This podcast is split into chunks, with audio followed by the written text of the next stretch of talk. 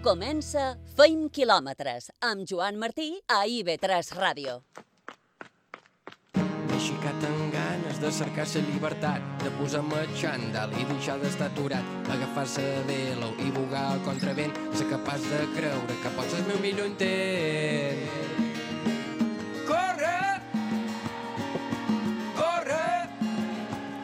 Feim ràdio i feim quilòmetres. Dilluns, 16 de novembre. Programa 208.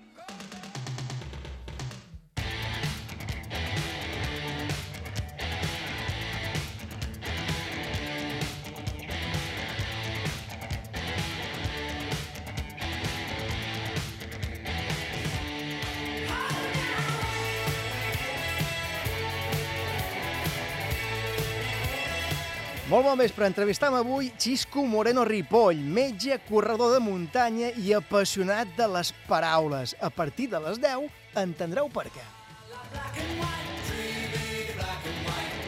Parlarem també avui amb Carlos Oliver i Lucas Mola, campió i subcampió de Balears de duatló, després d'una cursa disputadíssima.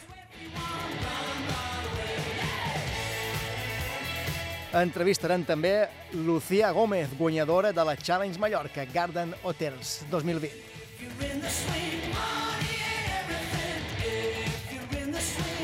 Sabeu què és el dejuni intermitent? En parlam amb Carlos Pérez i Néstor Sánchez, dos experts en nutrició evolutiva que acaben de publicar El ayuno intermitente, en pròleg de Marcos Llorente i Ibai Gómez. També hi serà Lucía Barca, fisioterapeuta, infermera esportiva i coach nutricional de Menorca Trainers.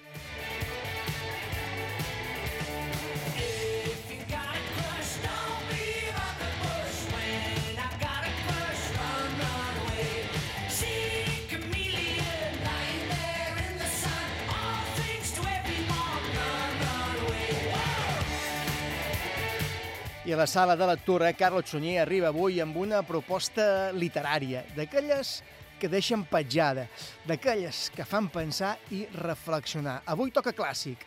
Parlarem de Moby Dick, de Herman Melville, quilòmetres i quilòmetres d'obsessió rere el catxalot blanc.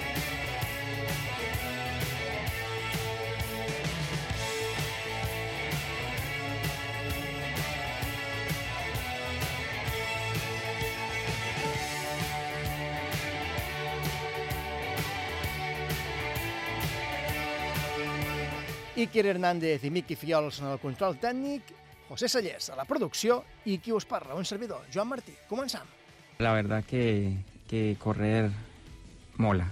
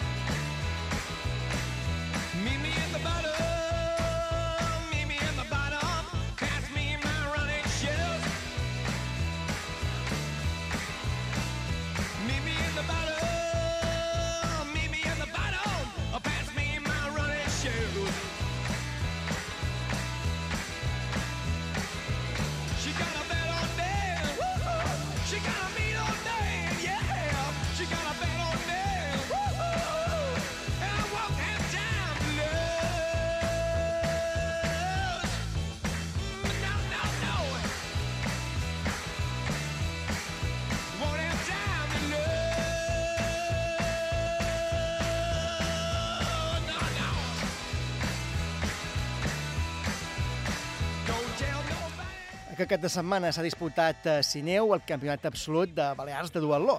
Ha estat sobre un traçat de 5 quilòmetres de correpeu, 20 quilòmetres de bicicleta i 2 quilòmetres i mig de correpeu, una altra vegada. Un campionat en el que ha destacat el nivell dels atletes. Lucas Mola, bon vespre i benvingut a Fent Quilòmetres. Hola, bon vespre. Com estàs? Molt bé, molt Vas bé. entrar en segon lloc en aquest campionat de Balears de, de duatló. Com, com va anar? Com va ser aquesta cursa? Molt disputada, no? Perquè crec que tu vas fer 5 minuts 31 segons i per davant va acabar Carlos Oliver 55 minuts 20 segons. Molt disputat, això. Sí, la veritat és que com és de les úniques proves que s'havien pogut disputar aquest any, pues, per l'Ovit tots ens vàrem animar a competir i sí que és veritat que va haver bastanta gent que varen poder anar eh, junts des de l'inici, així que va, va, va ser entretingut, eh? Com va ser, com va ser la cursa? Va ser disputada des del primer moment, des de que vau començar a córrer els primers 5 quilòmetres, o, o va ser la bicicleta on es van començar a decidir un poc les posicions? Sí, la veritat és que des dels primers 5 quilòmetres ens vam poder separar tres, tres competidors, com eren Carlos Oliver, Miguel Ángel Fidalgo i jo, i sí que varen començar la bicicleta junts.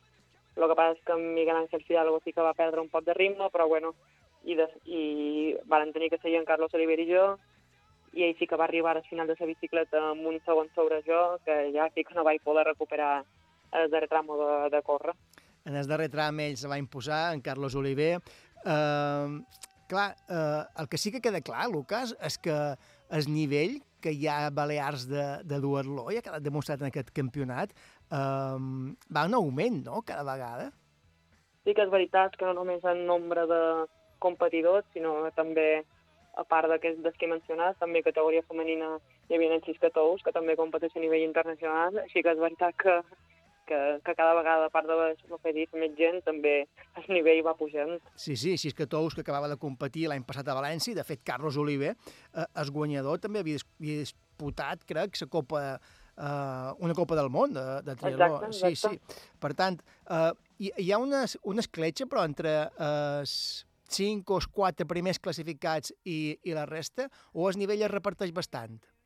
No, la veritat és que hi va haver gent que va intentar seguir amb nosaltres des del principi, així que després sí que se va fer un poc més de diferència, però la veritat és que no, no era dues carreres diferents, sinó que se notava que era una mateixa carrera en què tots intentaven disputar els primers jocs.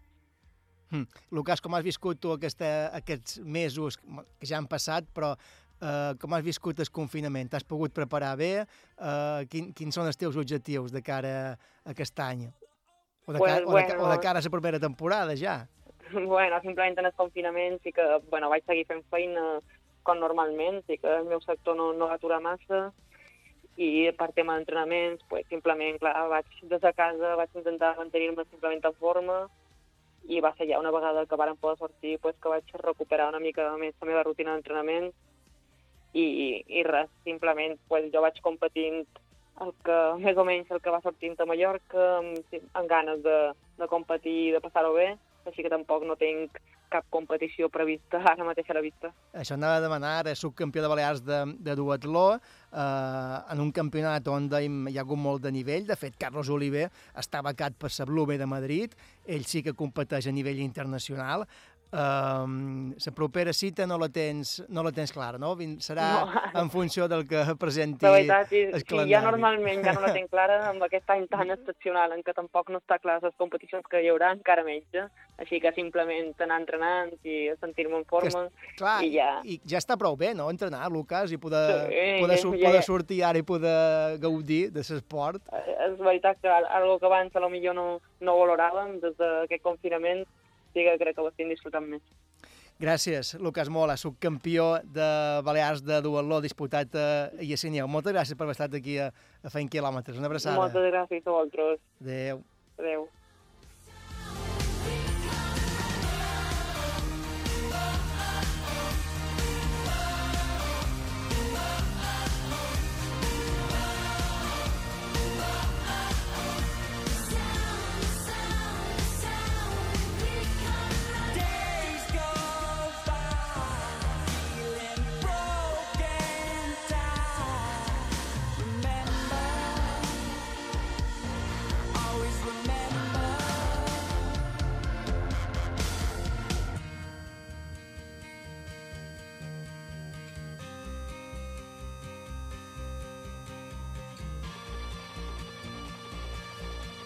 Fem una aturada per la publicitat i tornant tot d'una parlarem amb Lucía Gómez.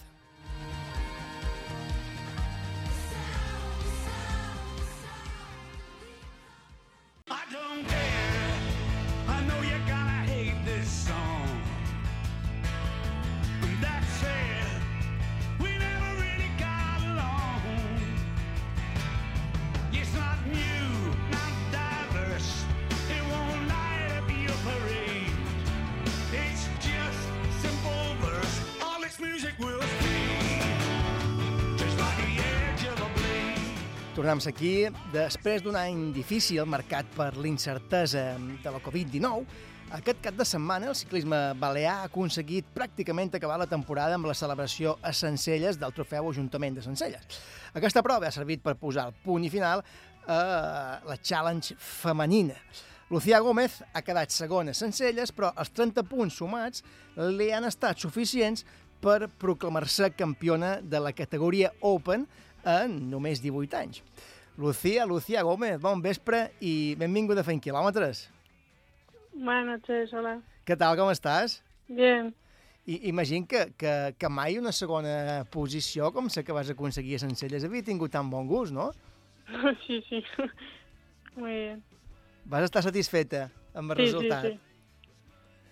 Tot i això, només vas quedar a 6 segons no, de la guanyadora de, de la prova, na Claire Stills. Um, com va ser la carrera d'ahir? Sí, pues fue una carrera bastante rápida donde hubo muchos ataques y a falta de dos vueltas me fui con Claire Stills, que fue la ganadora, y llegamos a- al sprint y al final pues me ganó. Sí, a l'arribada, de fet, a les imatges se us veu que arribau pràcticament eh, una, una rere l'altra, no? Um, T'hauria agradat rematar aquestes quatre proves que hi ha hagut amb una, primer, una, amb una victòria i una primera classificació general? Sí, hombre, está, hubiese estado muy bien haber ganado también, pero bueno, al final la más fuerte es la que se lleva la victoria. Car Stils. Um, mm, si no m'equivoc, en aquestes quatre proves d'enguany, Lucía, hi ha hagut en quatre guanyadores diferents, no? Na Jessica Pérez, que va guanyar la Vileta, tu que vas fer... Tu la segona prova, Tania Calvo, la tercera, i ahir Claire Stels, com dèiem. Eh, Molt igualat, no? Aquesta, molt igualada aquesta challenge, que per cert crec que feia anys que no es feia. Sí, sí, hacía muchos años que no se hacía. Yo era mi primer año que, que corría en una challenge de féminas. Y bueno, la verdad que había bastante nivel, por eso cada carrera había que disputarla. Mm. I com has vist eh, eh, el nivell?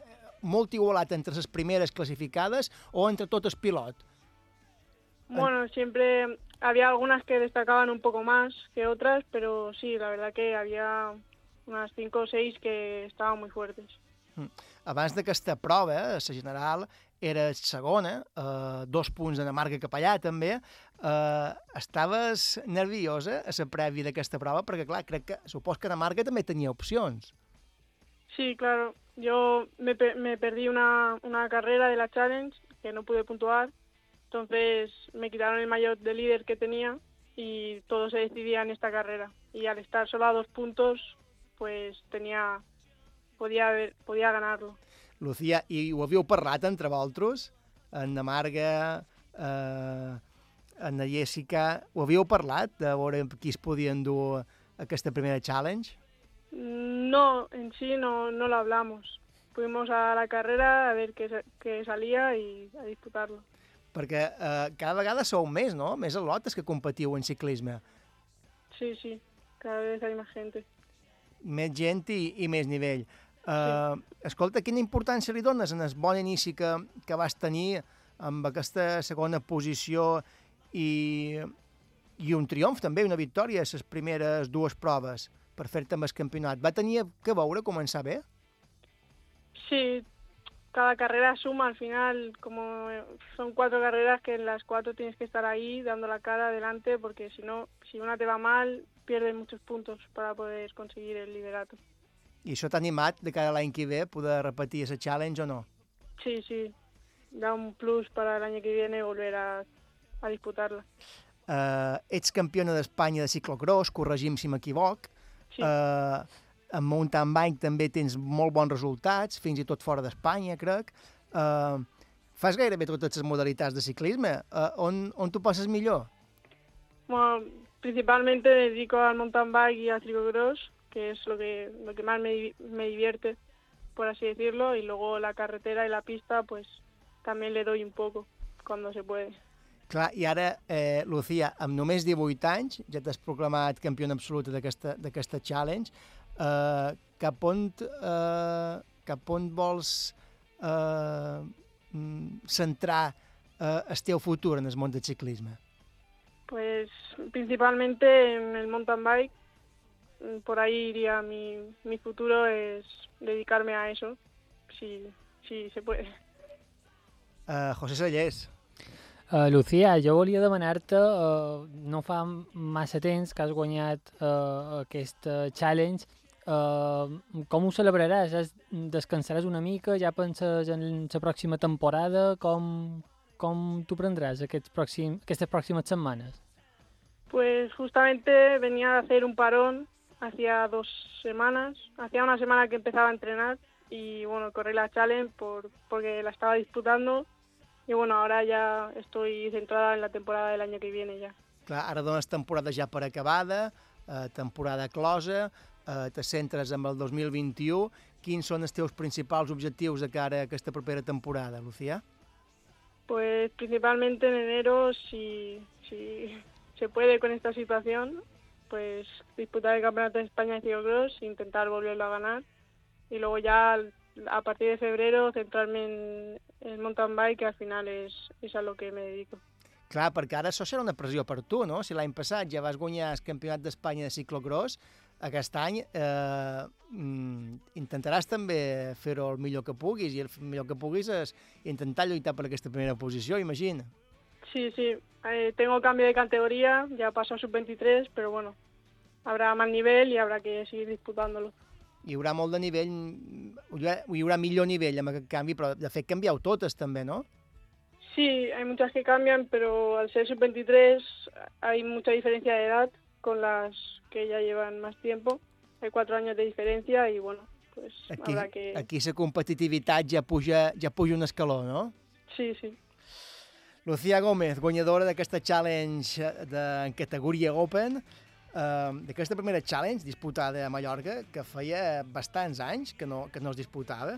Eh, esperem que sigui el primer, el primer any novament de molts i que vagi en augment també el ciclisme, el ciclisme femení a, a les Balears. Lucía Gómez, moltes gràcies per haver estat a fent quilòmetres i enhorabona. Gracias a wrong.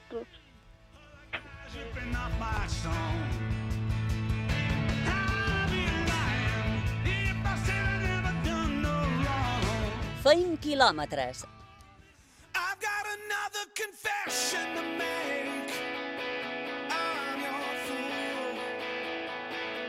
Everyone's got the chains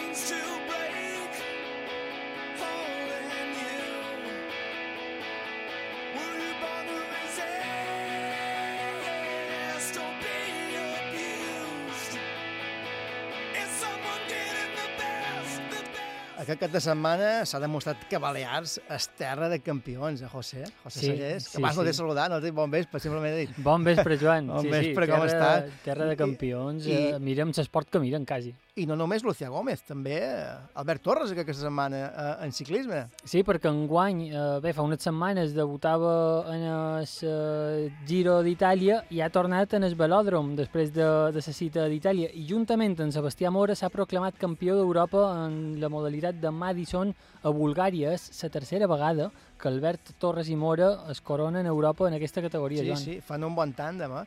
I Sí. abans parlàvem amb Lucas Mola, segon classificat en el Campionat de Balears de Duatló, eh, Carlos Oliver, primer classificat, però és que Xisca Tous també ha guanyat eh, aquesta vegada. Sí, sí, sí, s'ha proclamat campiona de Balears de duatló sprint. La triatleta va creuar la línia de meta en una hora, 3 minuts i 2 segons per davant de Gemma Llebrés i Maria dels Àngels Mestre. I, i un altre esportista, parlant d'Àngels també, no és l'Àngels Mestre, és un altre Àngels, l'Àngels Llobera, que, eh, que ha tornat també amb un altre gran resultat. Sí, eh, la Pollensina ha acabat en tercera posició a l'Entremuntanyes Paralelo 28 celebrat a Gran Canària. Ha completat els 24 quilòmetres en un temps de 2 hores 35 minuts i 55 segons i la victòria va ser per Yasmina Castro, que va aturar el cronòmetre en 2 hores 32 minuts i 27 segons, Joan. I molt bones notícies també en el Nacional d'Atletisme Adaptat, que s'ha disputat a San Fernando, a Cádiz. Sí, perquè Balears ha tornat en 7 medalles, 4 de les quals han estat do aconseguides per Dani Planells, Cristian Muñoz i Pere Gomila. No hi ha cap de setmana que algun representant de les illes no torni d'algun lloc del món o de, o de, o d'Espanya o de, o de Sí, sí. l'estranger Aquesta secció medalla. és terapèutica, perquè comptant bones Sí, notícies sí, i comptant sí. medalles... Sempre i... hi ha qualcú que torna amb una medalla d'or, eh? I... Sí, sí, sí. Qui no guanya és que torna de, de guanyar cosa i, i sincerament és, és un, vamos, un, és, Sí, és sí, un sí. goig fer aquesta secció. Sí, Uh, José, fem una aturada per la publicitat i passam per l'avituallament perquè avui venim amb un tema molt interessant. Tu fas de juni? Uh, bueno, a vegades. A vegades. A vegades. Uh, a partir de demà tal vegada en faràs. Uh, ara tornem.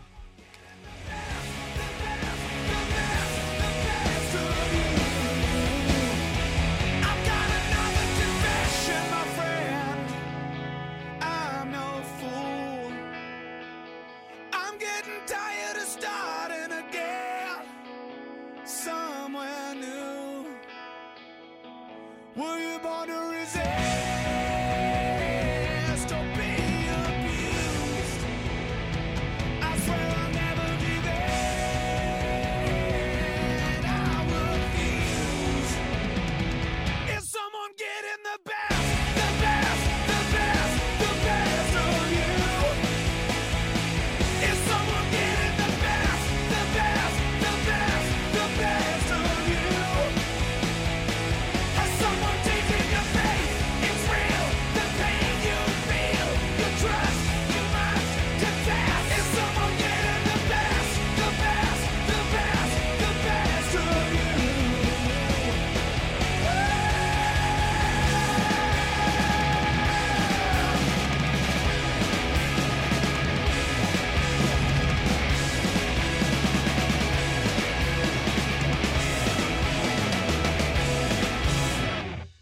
Feim quilòmetres.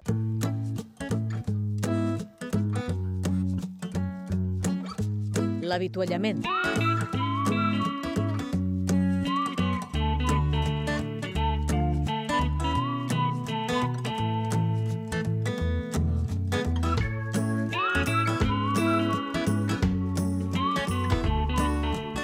Tornem aquí, continuem a fent quilòmetres, arribat a l'avituallament, obrim consulta, tenim ja Lucía Barca, fisioterapeuta, infermera esportiva i coach nutricional de Menorca Trainers. Bon vespre, Lucía, benvinguda a fent quilòmetres. Bon vespre, ¿cómo estáis? Molt bé, i tu? Bien también. Escolta, Lucía, parlam avui del dejuni intermitent, no? D'aquest tipus de, de dejuni. Un tipus de dieta que darrerament ha marcat tendència. Sí, exacto. Què, què és exactament el dejuni intermitent? Pues mira, ayunar es pasar periodos de tiempo sin ingesta de, alimentos. Ah, el ayuno intermitente es un método mm, muy usado últimamente a nivel nutricional. Hemos oído hablar de él en numerosas ocasiones. Existen distintos tipos. Y además, para hablar de ello, tenemos hoy a Carlos Pérez y a Néstor Sánchez, que son dos expertos en psiconeuroinmunología, que es una ciencia que relaciona todos los sistemas del cuerpo humano con una gran evidencia científica y utiliza la nutrición como una de las herramientas clave, que esto es, es muy interesante. Eh, ambos son cofundadores de Regenera Élite, que es una clínica y una empresa pionera que se dedican a ayudar a deportistas de máximo nivel a llegar al éxito contemplando todas las esferas que van a determinar su rendimiento, ¿no? Y donde la nutrición también juega un papel muy importante. Y además acaban de publicar precisamente el libro del ayuno intermitente. Carlos Pérez i Néstor Sánchez, buenas noches y bienvenidos a Fent Kilòmetres.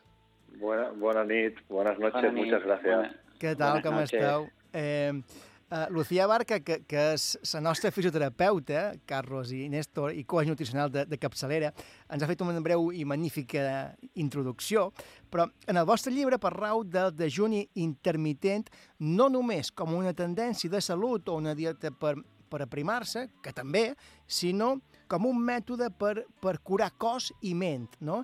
En primer lloc, eh, Carlos, tu, tu mateix, quin, quins beneficis té el, eh, el dejuni intermitent? Bà- Bàsicament, eh, més que enumerar els beneficis que pot tenir, m'agradaria contextualitzar Mhm. el que vol dir com a tal el dejuni, perquè li donem el valor que té, no tant com una estratègia terapèutica novedosa que està de moda i que és una tendència ara, sinó com una cosa que el nostre cos entén com algo que ens ha acompanyat al llarg de l'evolució. I m'explico. eh, en un moment donat, si nosaltres ens alimentéssim per aliments i no productes processats, eh, és algo que permet respectar l'estat del tub digestiu, que tinguem un tub digestiu amb salut i que tinguem un bon ritme de gana i sacietat. M'explico. Sí, sí. Si, mengem, si mengem productes processats, ensucrats, farines, productes que tenen un pic de sucre molt elevat, és molt, molt fàcil que tendim a necessitar anar menjant cada dues o tres hores, anar picant, més fins i tot que no pas una gana real, sinó una, una gana hedònica, una gana de contínuament estar picant. Mm. I aleshores això és el que fa que no tinguem aquesta llibertat, sinó que tota l'estona depenem d'anar menjant perquè si no ens trobem malament energèticament. Això és producte de la nostra forma de menjar molt relacionada amb la situació d'abundància que vivim a dia d'avui i amb una quantitat de coses que ens posem a la boca que són més aviat productes processats que no pas aliments. Clar, per en tant, canvi, eh, sí, disculpa, per tant, en, el- en el llibre parlau des de juni des d'un punt de vista científic i evolutiu i, com tu bé dius, no, arribau a aquesta conclusió de que el dejuni és, un, és, una, eh, és natural, no? és una cosa natural. Sí, és, és, és, on t'anava a parar, que és, és tan fàcil com que en el llibre mateix pues, expliquem que ningú s'ha de posar a partir de demà a fer un dejuni de 10 hores, 12 hores, 20 hores o 25 hores, sinó el primer que has de fer és regularitzar el teu tub digestiu menjant aliments de qualitat i quan passa això recuperem un ritme de gana de veritat i no gana de productes dolços, sinó gana de veritat, que voldria dir que tu tindràs, si tens gana de veritat, doncs seràs capaç de menjar-te una amanida amb peix i una peça de fruita, no només una galeta, i quan menges d'aquesta manera te vas adonant que per tornar a tenir aquesta gana han de passar hores. És a dir, han de passar 8, 10, 12, 14 hores. I després no es tracta aleshores de que sigui un dejuni o no dejuni. De lo que es tracta és de que tu mengis quan tens gana. Mhm. I, I significa això, eh, Carlos, que, mm, eh, que aquest fet de tenir accés conta- constant en el menjar, a diferència del paleolític, per exemple, com explicava en el llibre, eh, amb, com a éssers humans, eh, com a espècie, hem desaprès a menjar bé? 100%. Uh, viure en un context d'abundància, menjant el que mengem, com deia que són productes i no els aliments, al final acaba generant persones malaltes i desnutrides, realment, obeses, amb problemes que estan associats a la, a la, al, a la, al context de, de, la, de la societat de, desenvolupada i que són patologies que es veuen doncs, amb obesitat, amb càncer, amb patologia cardiovascular, amb patologies neurodegeneratives. Això té una clara associació en aquest patró de deixar de fer allò per lo que el nostre cos està adaptat. I, I tornant a la pregunta inicial, ara sí que la, la reprendré, eh, Néstor, te la faig a tu. Eh, en el Sí. llibre, publicat per, per, per l'editorial Urano, eh, parlau dels diferents tipus de dejuni que hi pot haver, no? Eh, quins són aquests diferents tipus i aporten tots els mateixos tipus de beneficis o els beneficis fan en funció dels tipus de dejuni que es puguin fer? Doncs la veritat eh, és una bona pregunta, no? Perquè, o sigui, de fet, deixa'm insistir en que no estem recuperant tot i que nosaltres classifiquem perquè ens agrada, eh, eh, l'ideal és que un cop recuperes la gana i la societat, eh, això sortirà sol. I dius, ostres, estàs fent dejuni intermitent? Ah, doncs no ho sabia. Jo és que he menjat molt, de qualitat, estic tip, i ara no tinc ganes de menjar fins d'aquí 16-18 hores. Ah, doncs estàs fent un 16-8. Ah, doncs perfecte, no? Mhm. A partir d'aquí sí que és veritat que s'ha classificat diferents intervencions per donar-li eh, eh, validesa científica, no? Saps que no és el mateix ciència que mètode científic, però per, per, per, per, per fer servir el mètode científic necessitem allà algunes variables en concret, no?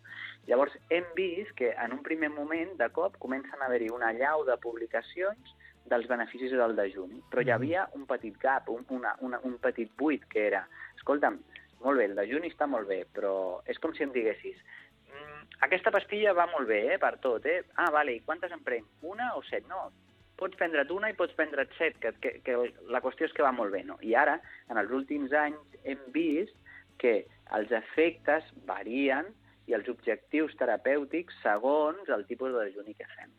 Llavors, tipus de dejuni, eh, perquè la gent ho entengui i també sàpiga on està.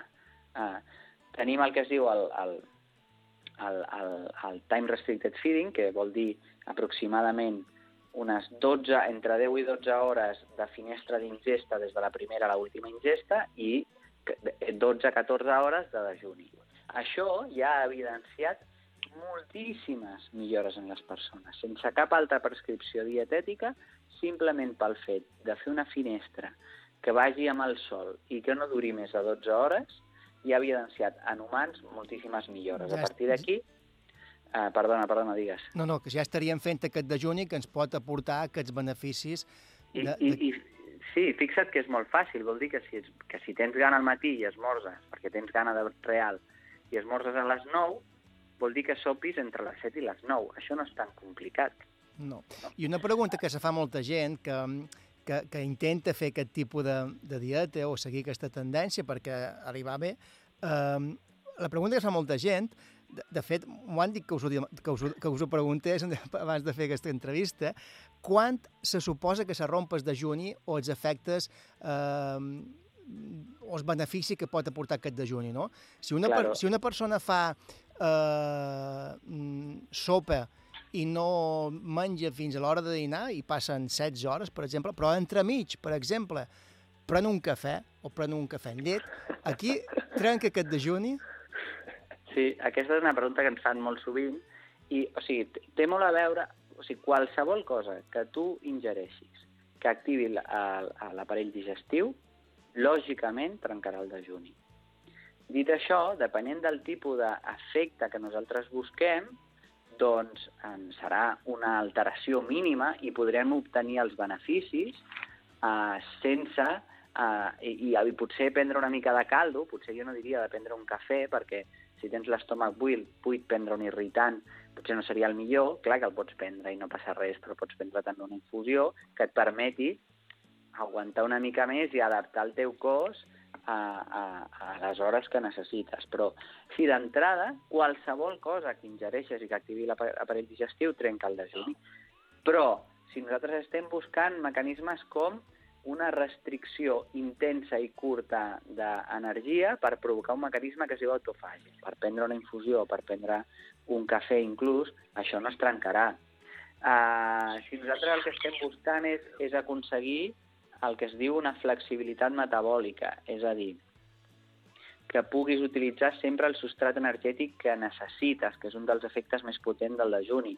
La gent ha perdut la capacitat de mobilitzar les seves reserves i per això necessita menjar cada dues hores, quan ens havien explicat que nosaltres podíem aguantar 90 dies sense menjar i com pot ser que la gent a les dues hores s'irriti i no ho pugui suportar perquè és incapaç de mobilitzar les seves reserves.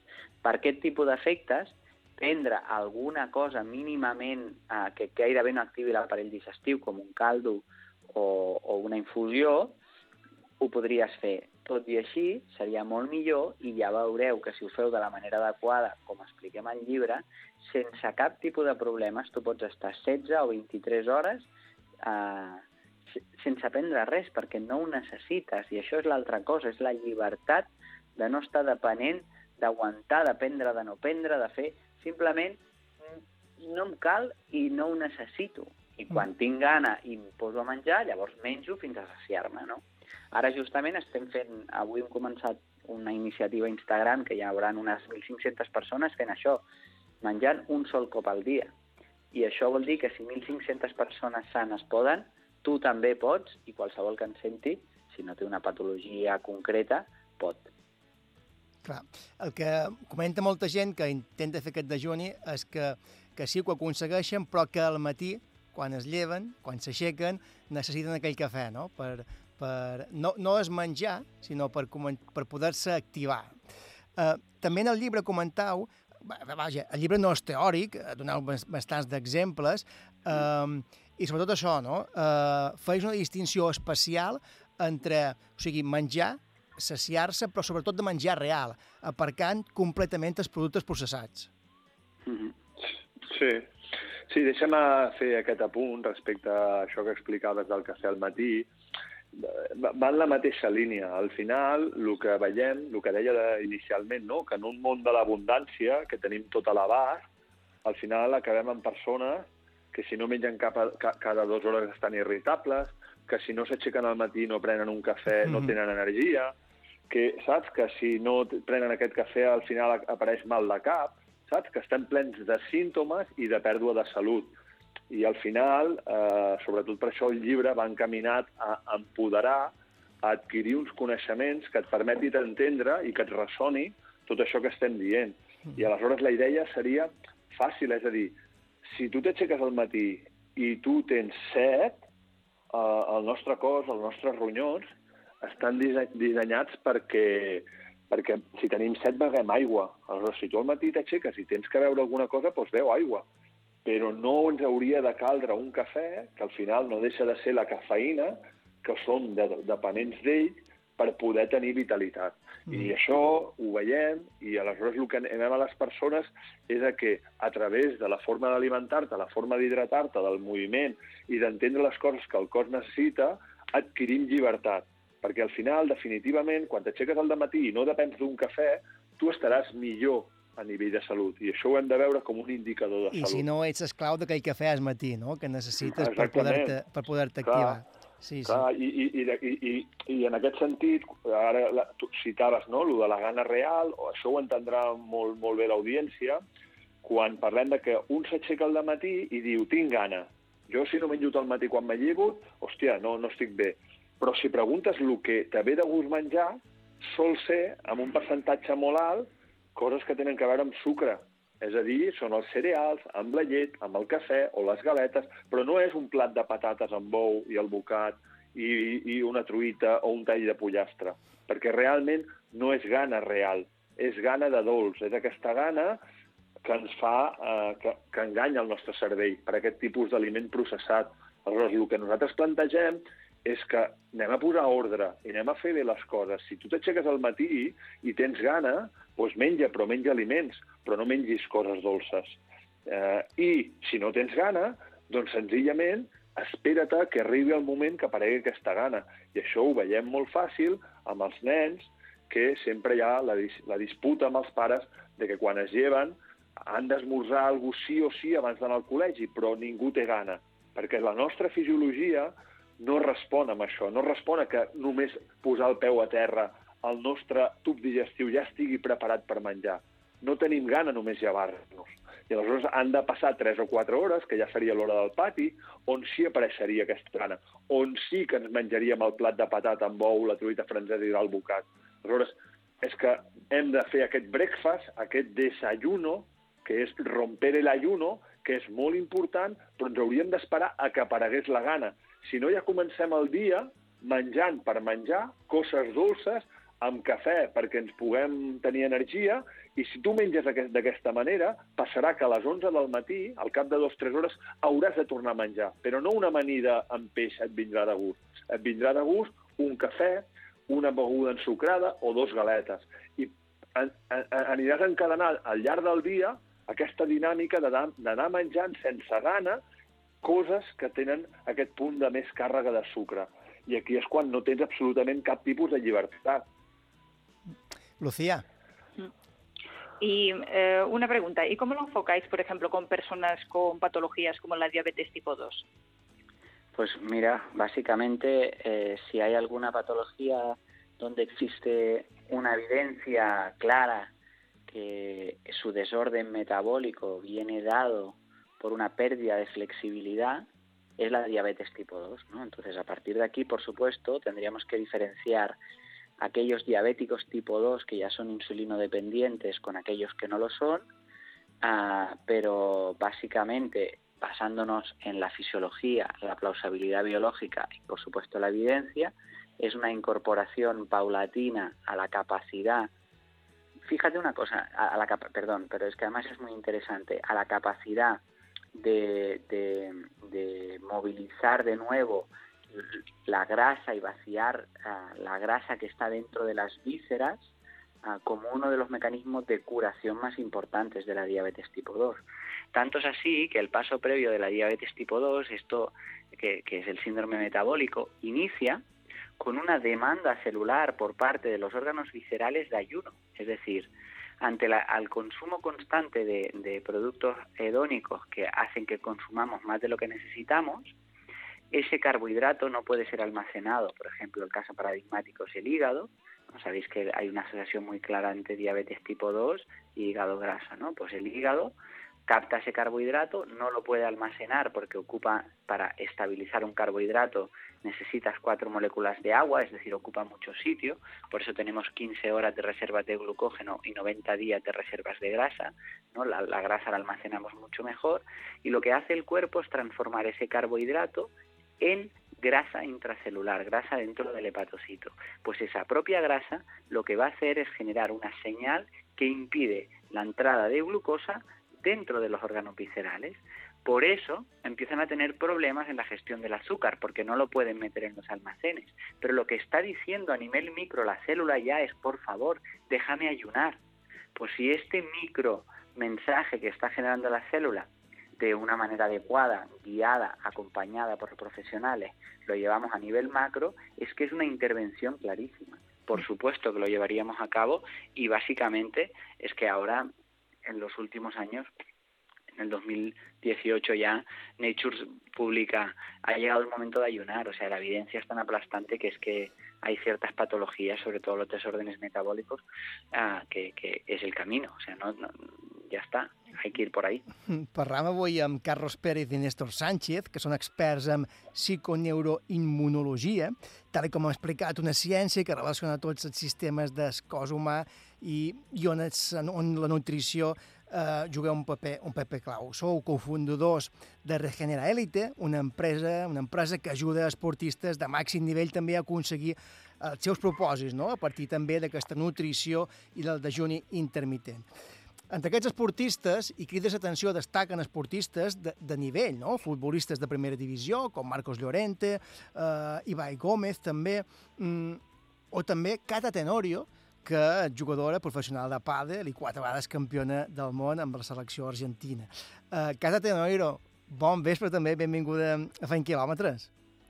¿Qué tal? Buenas noches. ¿Qué tal, Cata? Eh, ¿A ti qué, qué, te ha aportado el, eh, esta, esta tendencia o esta dieta o, o eh, el, el, ayuno intermitente? Bueno, eh, tienes hasta las 7 de la mañana de mañana para contarte todas las cosas que me ha aportado. Todos los beneficios que te ha aportado, ¿no? claro. Eh, pues por resumirte, yo hace tres años que comencé con todo este cambio y si bien se nos ve a los deportistas de élite como personas que, wow, es muy fácil eso, tienen ganas de hacer actividad física, si bien nos gusta y el deporte es nuestra profesión, eh, también cuesta mucho esos cuidados. A mí, eh, escuchándolo a, a, Carlos y a Néstor, me, se me ponía la piel de gallina de todo lo que he cambiado en estos tres años y sinceramente yo me siento como mucha gente que veo hoy en día, me sentía, mejor dicho, que tenía esa necesidad de comer cada tres horas. Eh, me, iba a mi casa a las 9 de la mañana y me llevaba tapers porque hasta las 4 o 5 de la tarde no volvía o, y más de los días que daba clases hasta tarde. Entonces uno se vuelve como muy esclavo de la comida y, y ahora al contrario, estoy muy contenta de haber pasado ese, haberme cambiado a todo esto porque ahora me siento libre en ese sentido. Pues mañana, por ejemplo, compito a las 5 de la tarde, pero me programo comer a las 12, antes hago un entreno eh, para, para, para activarme en el día, como como a las 12 y al contrario, cuanto más, y, el miércoles sé que si el miércoles juego por la mañana, compito en, en ayunas totalmente. Ahora necesito estar con el estómago vacío para rendir y para encontrarme para encontrarme bien. O por ejemplo, ayer que volvía de entrenar y estaba con la cabeza totalmente activa y demás pensando, digo, no, no, me falta todavía para comer y eran las 3 de la tarde y no había comido, porque necesitaba continuar las cosas que, que, que tenía pendiente en el día. Mm. Una vez que haces el cambio, el, más allá del rendimiento deportivo, el rendimiento mental y cognitivo es increíble. Eso te iba a preguntar. Ellos lo explican muy bien. Eh, una vez has conseguido hacer el cambio, eh, los beneficios sí. no han sido solo físicos, sino también, como explicas, psicológicos, ¿no? Sí, sí, a ver, psicológicos de dos maneras, y perdonadme, yo no soy psicóloga, lo voy a explicar desde, desde mi experiencia, ¿no? Yo digo, por un lado, me siento como con más confianza en mí misma de que de que no dependo de la comida, de que pues, puedo estar sin comer o vamos a tal lado y no importa porque además me ahorra mucho tiempo, ¿sabes? Yo salgo de mi casa y salgo y por ahí sí, sí, lo que sí necesito, que soy argentina y me gusta mucho, es el to- tomar el mate, la bebida está argentina. Entonces, por ese lado yo me siento como mucho más liberada y veo mis compañeras que empiezan a entrenar y ya necesitan un plátano, un gel, un tal, y yo no. Y tengo 45 años, que eso no lo han dicho, o sea, y he sido madre, o sea, se- sería la que más tendría que estar reponiendo constantemente y al contrario.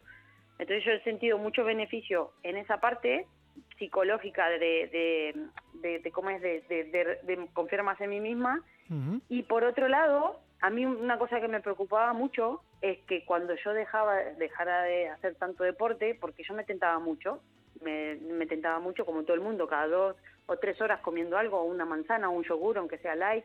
Eh, encima mi madre en Argentina tiene una pastelería, o sea que eh, eso de comer algo dulce eh, era normal y gratis en mi casa, entonces claro, así estaba, ¿no? Tenía bastantes más kilos que, de que ahora y, y mucho más hinchada.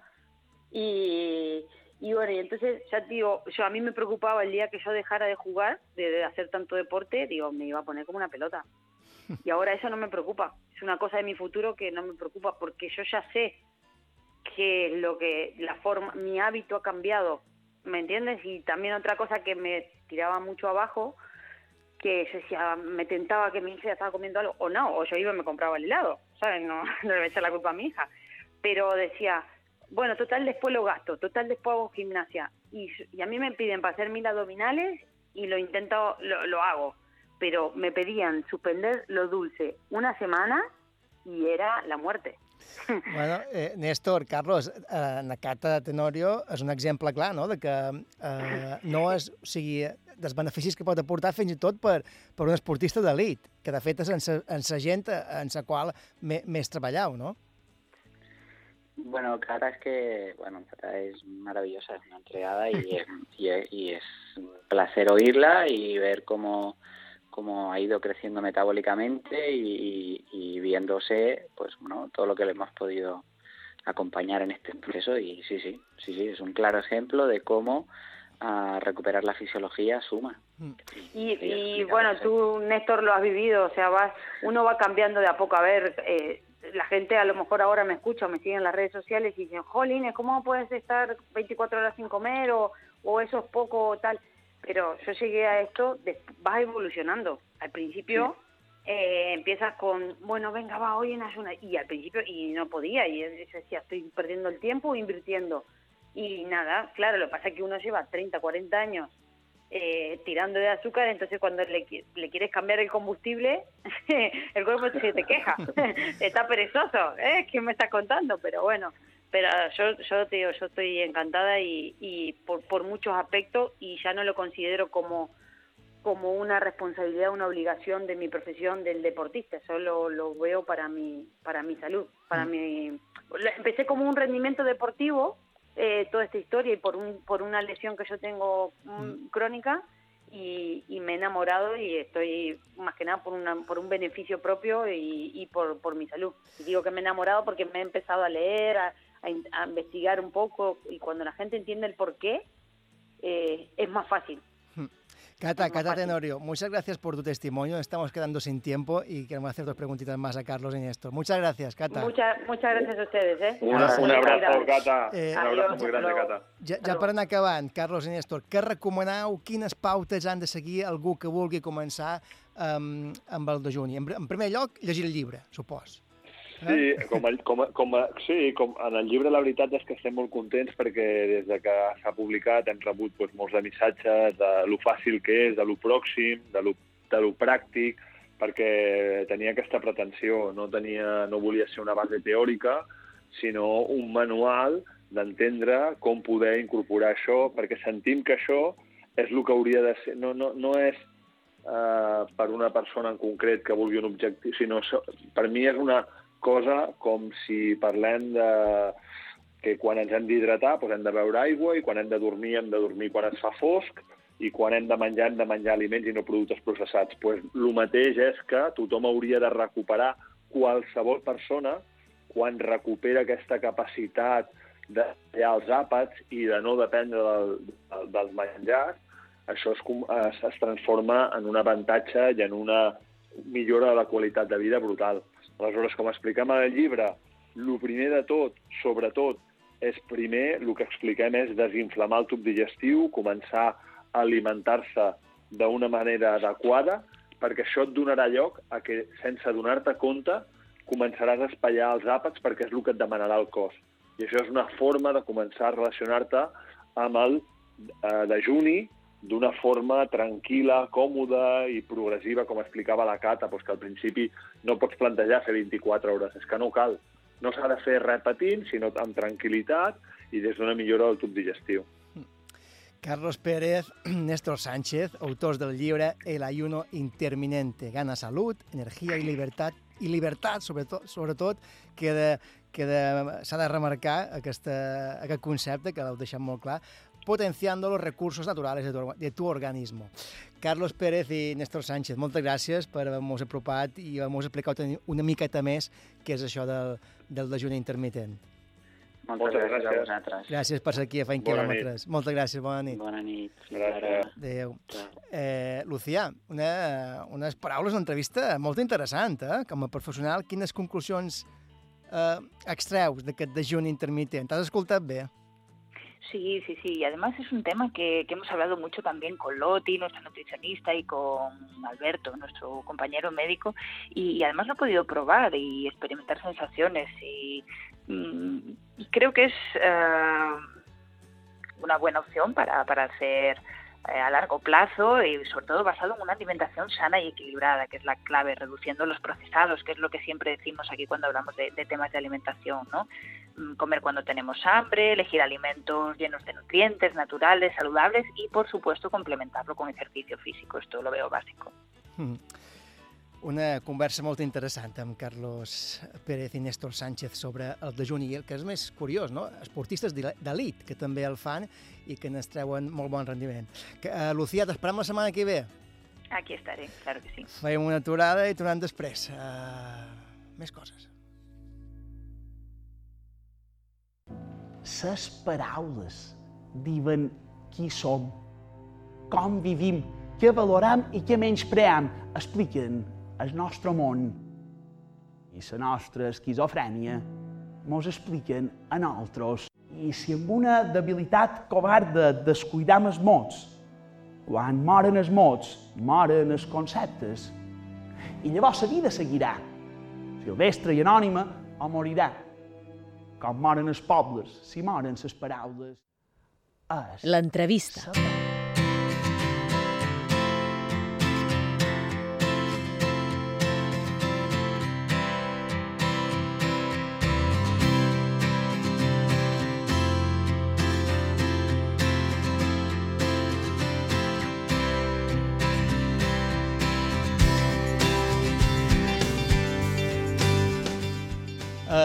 la paraula s'ànima d'un poble, ha faltat dir. Escoltàvem un fragment de l'obra Corà, de Toni Gomila, una reflexió sobre la importància de les paraules, una reflexió que de ben segur compartirà el nostre següent protagonista. Parlam avui amb en Xisco Moreno Ripoll. Ell és metge, corredor de, corredor de, de muntanya i un apassionat també de, de les paraules. I segons explica en el seu compte de Twitter, va pel món equilibrant simetries.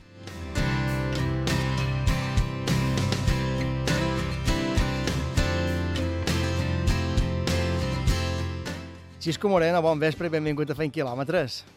Hola, bon vespre. Com estàs? Comparteixes aquesta reflexió que fa Toni Comila a Corà? Ses paraules Totalment. diuen qui som? Totalment, totalment. La cultura, en definitiva, la llengua, les paraules, són el que ens defineixen com a, com a, com a país, com a població, com a societat, i si se perden, perdem el nostre ADN, evidentment. Com bé explicàvem, eh, ets metge, aficionat, sí. aficionat en el trail running o a les curses per muntanya i també eh, un, un apassionat de, de les paraules. Un bon dia, un bon dia escrius a Twitter. Cada dia escriuré una paraula. En sabreu el significat?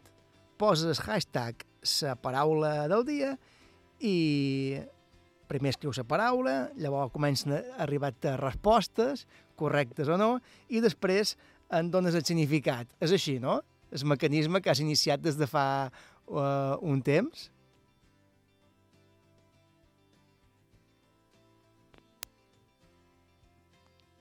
Hem perdut la comuni... Hem perdut comunicació amb eh, Xisco Moreno, l'he intentat recuperar i, i tornant tot d'una.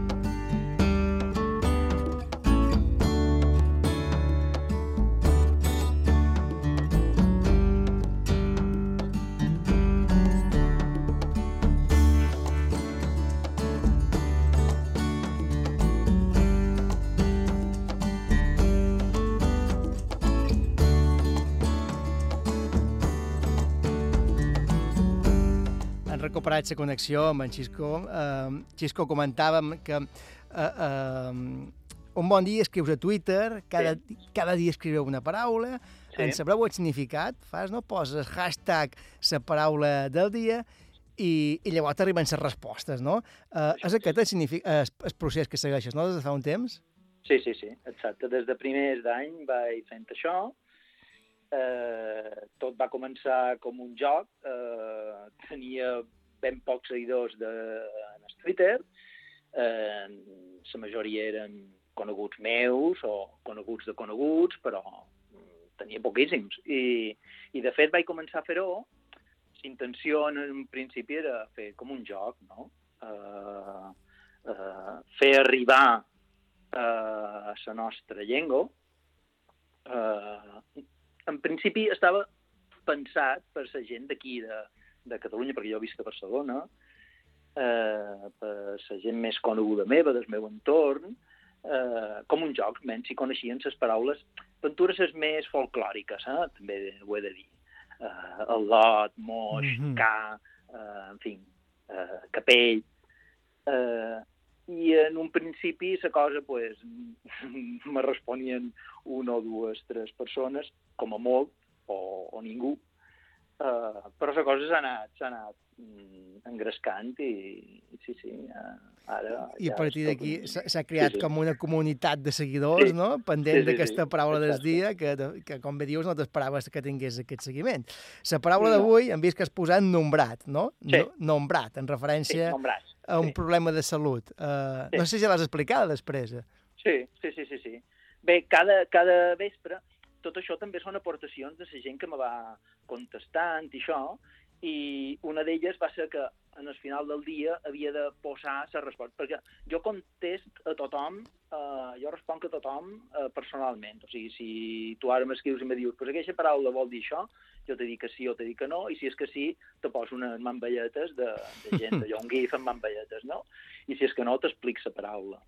Um, clar, quan eren dos, tres, quatre, vint, era fàcil, ara és una mica més complicat, però uh, s'embulla tot una mica, però uh, en el final del dia, per recomanació d'un seguidor, uh, vaig decidir posar el significat de cada paraula. El significat de la paraula que el matí havies posat. Sí, sí. Uh, entre les paraules que has publicat hi ha ureta, terracà o aterracà, lliçar una per atanciment, merla o mèl·lera, uh, mm, pirreuma, que vol dir esme perdut, una, una, un poca cosa, no? Xeramia, engronar, bigalot, escabotell... De fet, hi ha paraules que... Uh, uh, Costa de... Moltes els empram aquí encara, però n'hi ha que ja no se fan... No ser- s'utilitzen, Ja no sí, se van servir tant, no? Aglapí, aglapí encara es diu molt a Mallorca. Vaja, infinitat de paraules, reganyol també, um, xuquins, paraules que aquí es diuen i que potser a Catalunya no es diuen tant. Um, però clar, també, també, supos que també suposa una exigència per tu, no? Anar a remenar uh, entre, entre el vocabulari. Sí, clar, en un principi, com que tot va començar així, com te deia, d'una manera pues, més més, en les paraules més, entre cometes, més fàcils, més comunes. Eh, clar, mica en mica la cosa s'ha anat complicant, no? Eh, també és vera que eh, hi ha una, una part positiva en, en això de les xarxes socials, hi ha coses que són horroroses, però hi ha coses que són boníssimes. I precisament Twitter té això de tan bo i tan dolent, no? Té lo dolent que hi ha molta gent que, que critica molt, que, que, que xerra pestes de tot. Sí, és vera. Però també, es, i ho deia perquè hi ha moltíssima de gent que me fa recomanacions, no? Que me diuen, per què no poses aquesta? Per què no poses aquella? No, aquesta ja l'he posada. Bueno, doncs per què no poses aquella? Eh, és brutal la quantitat de gent que me recomana paraules i a part, evidentment, jo també mm, un dia vaig pensant en algo i se me, me ve en el cap el que sigui i, ah, mira, aquesta, pues me l'apunt i la guard per un dia que la posaré. Vaja, que les xarxes socials... complica, la cosa se complica. Clar, hi ha moltes paraules que no són d'un ús quotidià. De fet, hi ha paraules que jo no les coneixia. Clar, que me les han explicat la gent. No passa res. Aquí n'aprenem tots. No, no, no, no és cap Això problema. anava a dir, en aquest sentit, les xarxes socials han tingut aquesta funció ben entesa, no? que fer Sí, sí. això, no? de xarxa social i de la qual tots en sortim beneficiats. Entrevistam avui Xisco Moreno, Moreno Ripoll, que és metge, un apassionat de, de les paraules i, i també un, un corredor de muntanya.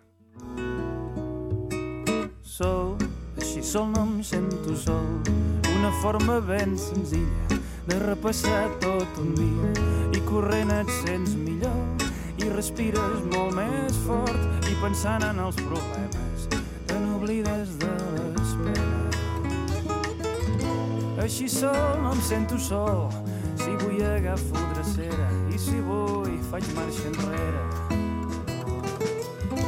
Una forma ben barata de passar pel psiquiatre corrent quan es posa el sol. Com bé diu San Josex en aquesta cançó, eh, Xisco, eh, has fet de sortir a córrer i tu que és metge ho sabràs, pots... Eh, T'has una bona teràpia també, antiestrès? De fet, eh, això és el que me va enganxar a córrer. Eh, totalment. Eh, jo havia fet esport tota la meva vida, quan vivia a Mallorca fins a més de 8 anys que vaig venir aquí a estudiar, eh, jugava un equip de handball i feia tennis i molt d'esports eh, els que siguin, no? Però el que me va enganxar a córrer va ser precisament que eh, córrer per allò és com una espècie de teràpia, sí, sí, sí. Me, me centra el cap, m'estimula si és necessari, eh, me, me, posa, me posa en ordre, no? I això és difícil d'explicar, perquè la gent que no, que no li agrada córrer, que és molta, i ho entenc, ho entenc, eh, quan els expliques això te miren raro, eh? te miren una mica estrany, com de dir, aqueix no, no toca, no? Però és vera que tothom tenim les nostres vàlvules d'escap i d'escapament i, i, i, i aquesta és per jo la meva, no? Córrer. I, i t'agrada la muntanya, t'agrada sortir a córrer per, per la muntanya. Eh, vas començar, com, com bé explicaves, d'una manera de terapèutica gairebé, no? de, de, sí. de posar el capet en ordre. Eh, sí. Després també has, has competit. Avui en dia, que ja fa anys que, que corres, t'agrada més sortir a rodar per rodar o també t'agrada anar a la muntanya per competir? A jo m'agrada córrer. Lo de la competició és vera que té aquest punt que és interessant perquè el dia de la competició, aquella, aquella ansietat, aquells nervis, aquella posada en escena de tot, no? el fet d'arribar... Sí, és vera. Però, però... I, I un altre punt que també trobo que és important i enguany eh, ha estat clau, i és que te marca objectius, no? te, te marca un calendari, te marca una, unes necessitats. T'obliga a estar, estar en forma sempre, no? També? Que, que, perdona? Que t'obliga a estar en forma sempre, no? O t'obliga Sí. no, estàs en forma d'una manera que gairebé no te'n dones compte. Sí, però també és vera que si t'agrada, eh, si t'agrada el que fas, sigui el que sigui, eh, sempre estàs en forma. Si t'agrada llegir, sempre estàs en forma de llegir. Mhm. Si t'agrada córrer, sempre estàs en forma de, de córrer. Tindràs temporades millors, temporades pitjors. Aquesta temporada jo trobo que ha estat una temporada feixuga per tots, eh, tota la gent que li agrada a l'esport, perquè duim una bona topada amb això del Covid. Um, a jo personalment m'ha costat um, refer la forma física després del maig que mos varen deixar tornar a sortir a, a fer esport. És vera que quan competeixes tens aquell punt, aquell objectiu, aquella cosa, però allò el que m'agrada és, és, és contacte amb la natura, córrer per allà enmig de, de, de camins que no, no has corregut mai, eh, trepitjar aigua, trepitjar pedres, eh, ensopegar de, de tant en quant, llenegar, el que sigui, però mm, eh, disfrutar amb aquell, amb, aquella, amb aquell esforç, no? Jo trob que córrer, no, no, no, no sé si trobareu que és vera, però jo, jo venc del món de, de, de l'asfalt, diguéssim, eh, cosa que li passa a molta gent que, que corre per muntanya, però eh, jo trob que córrer per muntanya és un dels esports més mm, feixucs que hi ha. Eh, És, és Aquí, dur, aquí, però... aquí volia arribar ara, Xisco. En el programa ha entrevistat autèntics i autèntiques fores de sèrie de, de, de sultrafons, capaços i capaces de fer grans distàncies. Um, sempre hi ha algú que diu que això no pot ser mai, no?, de fer aquestes grans distàncies per muntanya. Com a metge, um, quin, quin, quin és el teu parer? Mira, com a metge, eh, te diré que jo trob que més que com a metge, te diria, des d'un punt de vista psicològic, eh, córrer per asfalt és, és, és dur, és molt dur. Mantenir el mateix ritme, eh, bueno, mm, la duresa de l'asfalt, no? Eh, també és vera que hi ha la banda positiva, eh, per exemple, les maratons, pues, que hi hagi gent que t'anima i tal. Clar, a la muntanya no, això és molt més dur, no?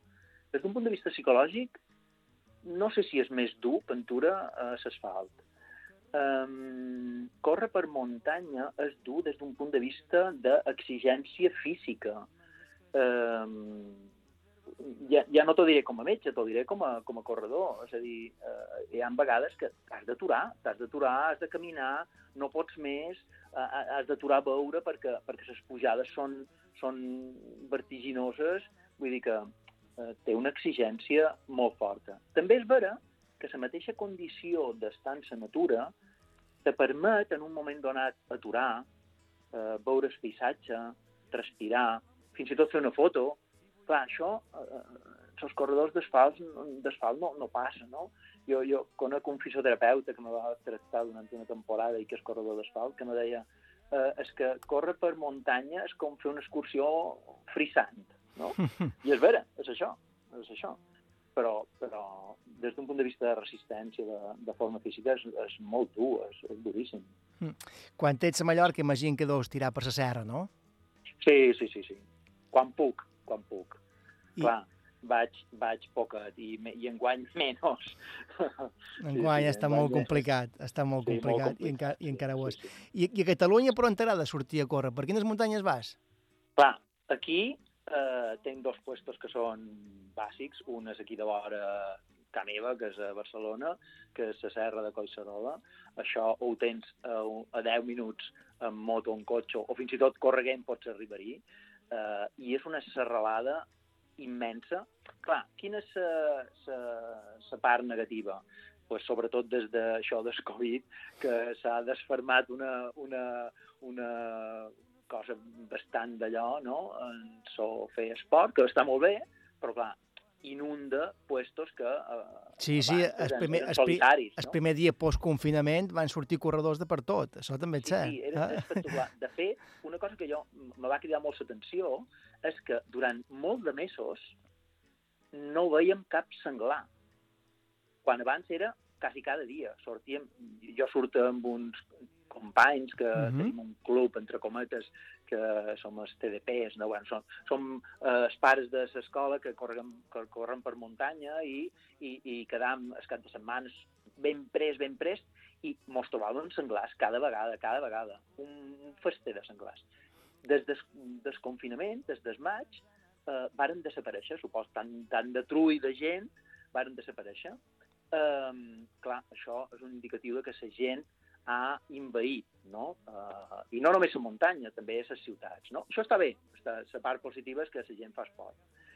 aquesta és una, un, una part. Una altra que m'agrada molt, eh, i hi vaig quan puc i que és fantàstica, és eh, la banda de l'Empordà, de l'Alt Empordà.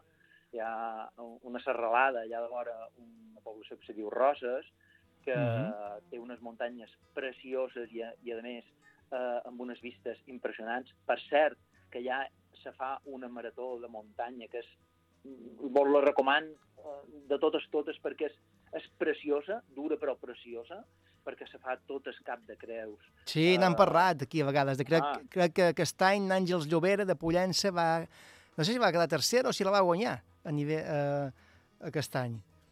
Per Però- la gent que li agrada córrer per muntanya, jo crec que és una cursa que s'ha de fer sí o sí, perquè és preciosa, perquè passes de muntanya ben, ben a dalt, amb, molta, amb molt de desnivell, i a part amb unes vistes precioses, sobretot del monestir de Sant Pere de Rodes, i tot el que és el Cap de Creus, i d'això baixes i, i vas pel camí de, de, de, de ronda, no?, de vora la mà, eh, i és verdaderament espectacular i passes per poblacions com ara Cadaqués o, o així, que són preciosos, no? Aquella serralada també m'agrada molt córrer-hi, i com que tinc familiars allà, eh, doncs hi vaig quan puc i, i m'agrada molt, també, sí. Xisco Moreno, metge, aficionat de les curses per muntanya, com bé heu sentit, s'apassiona quan parla de la muntanya i també s'apassiona quan xerra de les paraules, com hem escoltat al principi. Per cert, Xisco, demà, quina, quina paraula toca? Això que tu me diguis, No? Quina vols que posi demà? Mira, te'n donaré una. Uh, trompicar. perfecte. I dem- A veure demà què diuen, a veure què diuen demà. I de, perfecte. Aquesta serà la de demà. Xisco, moltes gràcies per haver estat aquí a, A Feint Quilòmetres i que continuïs així. Gràcies. Moltes gràcies, per una abraçada. Gràcies. Adéu. Que no serveixen per res o poder per alguna cosa.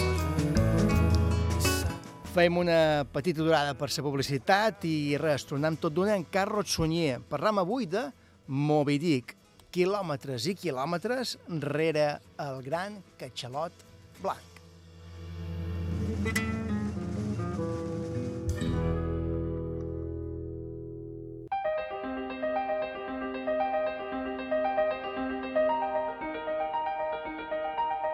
Correm i llegim.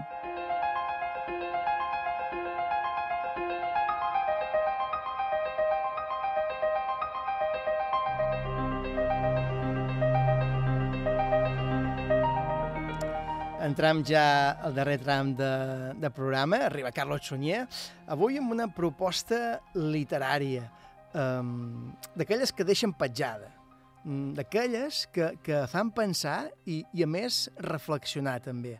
Parlem avui d'un llibre d'aventures, però d'un llibre carregat de, de simbolismes. Avui, avui toca un clàssic, un clàssic de, de, de la literatura convertit després en pel·lícula. Parlem avui de Moby Dick.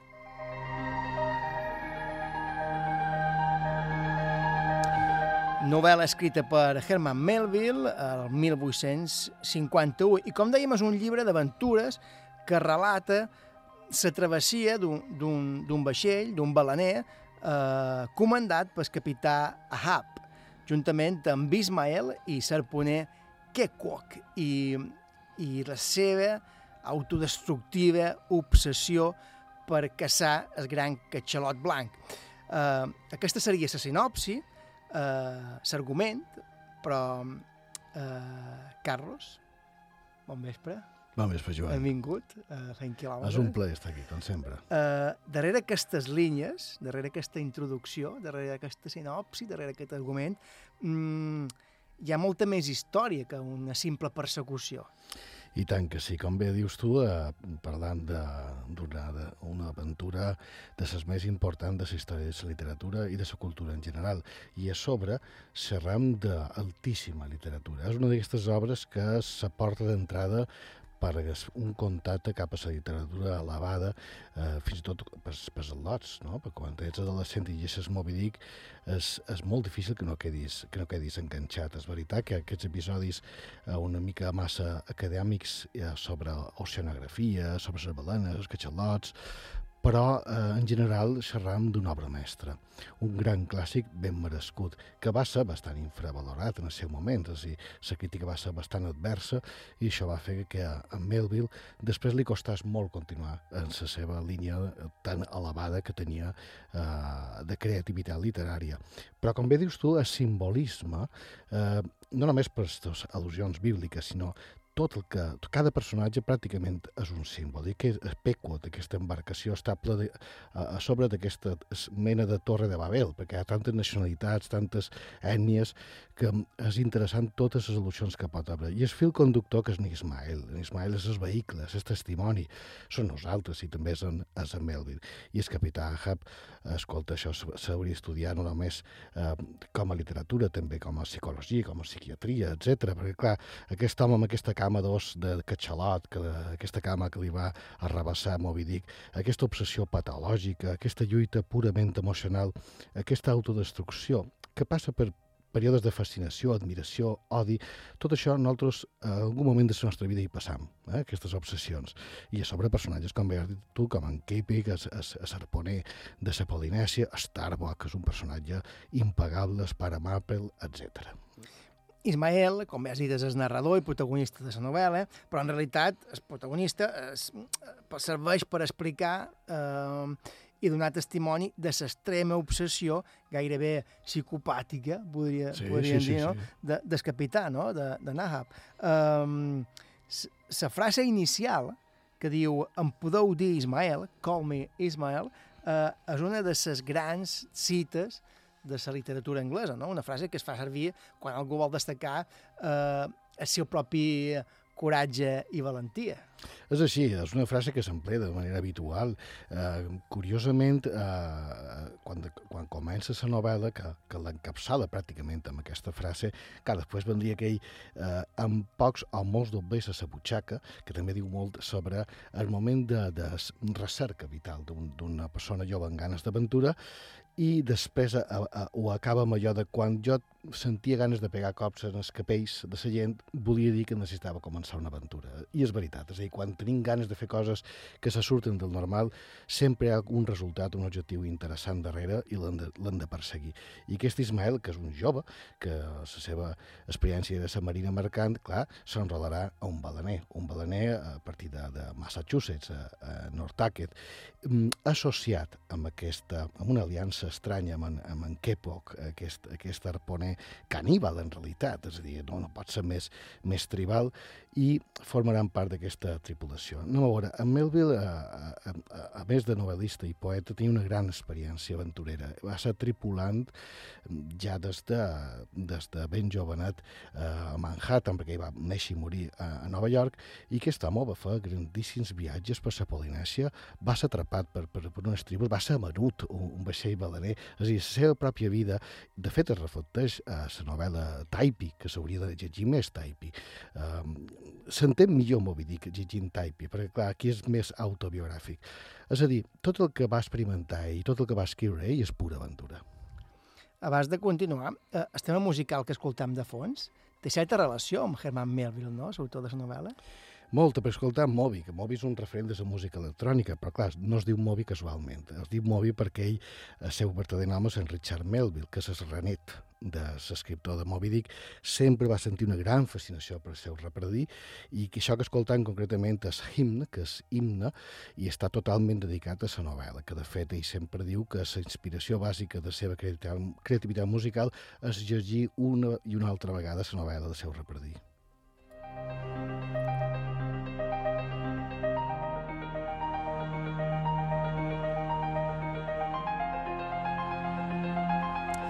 Herman Melville, eh, eh, se'n repadria de l'autor d'aquest tema musical que, estudia, que escoltant de fons, relata Moby Dick la persecució del catxalot blanc.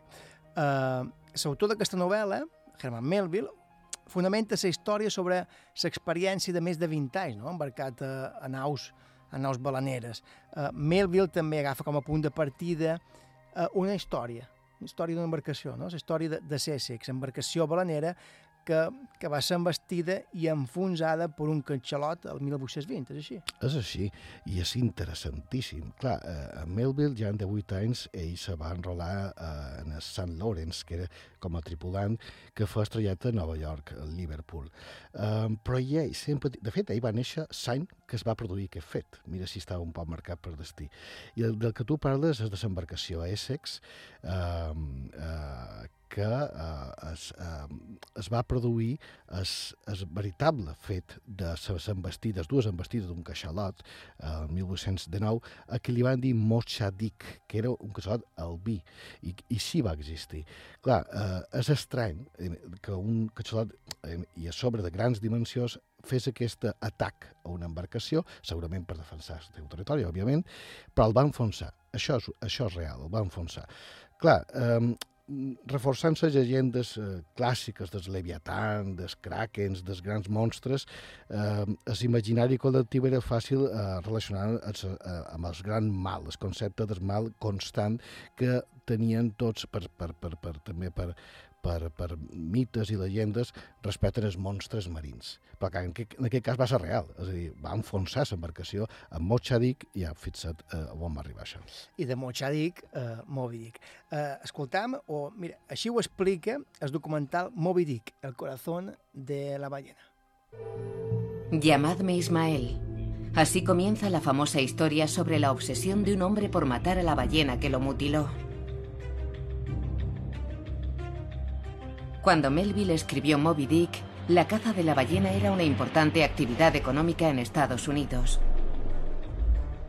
Su descripción de la vida a bordo de un ballenero bebía de su experiencia cuando contaba poco más de 20 años.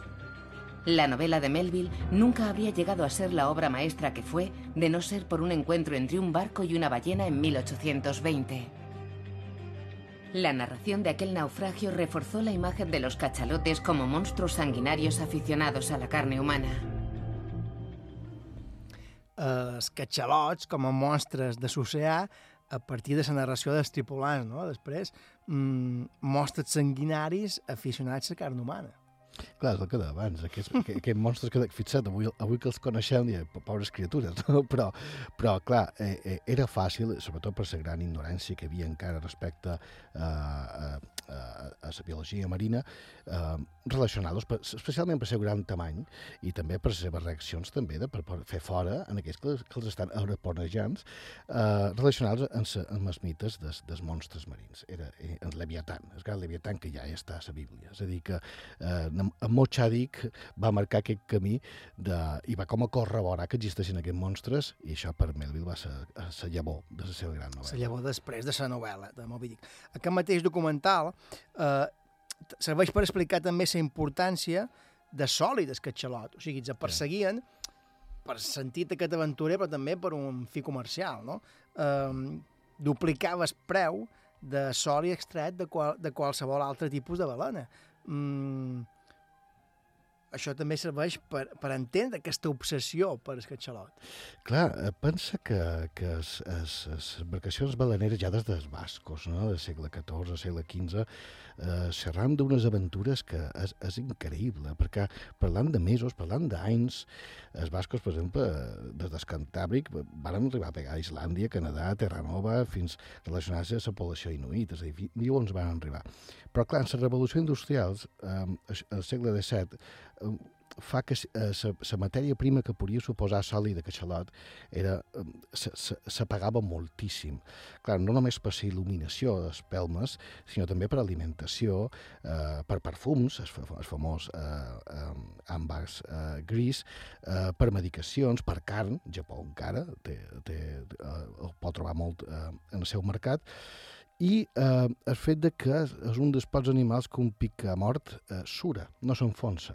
I clar, això permetia fer, fer aquesta feina durant molt de temps i anar eh, peteant per peces i anar eh, emmagatzemant tot el que anaven aconseguint dels grans caixalots. És a dir, que eh, quan tornaven eh, recompensa era molt alta i valia la pena aquesta aventura. Cuando el Union emprendió su último viaje, la caza de ballenas era muy rentable en la joven república. Las prósperas comunidades de Nueva Inglaterra, como Nantucket y New Bedford, en Massachusetts, debían gran parte de su riqueza al cachalote. Durante todo el siglo XIX, el aceite extraído del cachalote doblaba el precio del aceite extraído de cualquier otra ballena. Por eso se convirtió en una presa muy atractiva. Cientos de barcos emprendían viajes que duraban meses y a veces años, persiguiendo a una de las criaturas más grandes y fuertes del mundo. Era la caza a una escala épica. La persecució i caça del catxalot duita a una escala èpica ja, no, Carlos? Tan èpica que, que podia durar anys i anys. Clar, és que efectivament és una escala èpica, efectivament era aventura pura i desapareixien aquests homes, és a dir, deixaven les seves famílies i a vegades eh, ja arribaven a altres ports i, i ja no tornaven allà, és a dir, que realment se fan a la mà i la duresa física i mental que suposada estar, formar part d'aquestes tripulacions era molt, molt alta, perquè a sobre, després, en aquestes, aquestes, eh, aquests eh, barquetes havien de perseguir aquests animals amb els arpons tot a mà, amb força de múscul de, de cada un d'ells i amb una estratègia mínima. És a dir, eh, eh, xerram de, de, de, de gent molt dura, molt dura, i que tocava en terra ferma molt poques vegades. No? Però, clar, aquest, aquest esperit d'aventura hi devia ser del primer moment. I és interessant també com se combinaven nacionalitats. Arribava un moment que eren, eren tripulació baleneres, indiferentment de les banderes d'on partien. Escoltem ara un fragment de la pel·lícula En Corazón del Mar, pel·lícula del 2015 que narra la història precisament de Sussex, que comentàvem ara, de, de, que es va, es va enfonsar eh, a l'oceà Pacífic. Eh, episodi històric d'aquell enfonsament, com han dit, que, que, que per l'atac d'un catxalot, d'un catxalot que va servir després en Herman Melville de punt de partida per escriure Moby Dick. No? De fet, aquell catxalot, ja ho, has, ja ho han dit, com ha explicat en Carlos, li van dir Mochadik, Mochadik, no? sí. I, i era, era, era el vi, no? D'aquí ve després la novel·la de Herman Melville. Pusimos rumbo al límite de la cordura. Como si fuéramos apariciones, fantasmas. La confianza dio paso a la duda.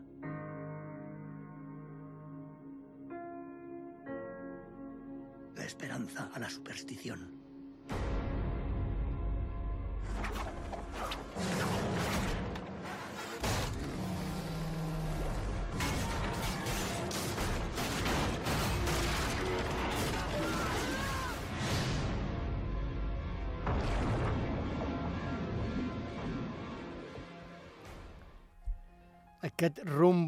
Los límites de la cordura fa pensar mm, que el que va viure Melville devia ser bastant similar eh, al que després s'explica a la novel·la. El que va viure o, o, bé el que li van explicar, el que, no? El que van explicar, clar.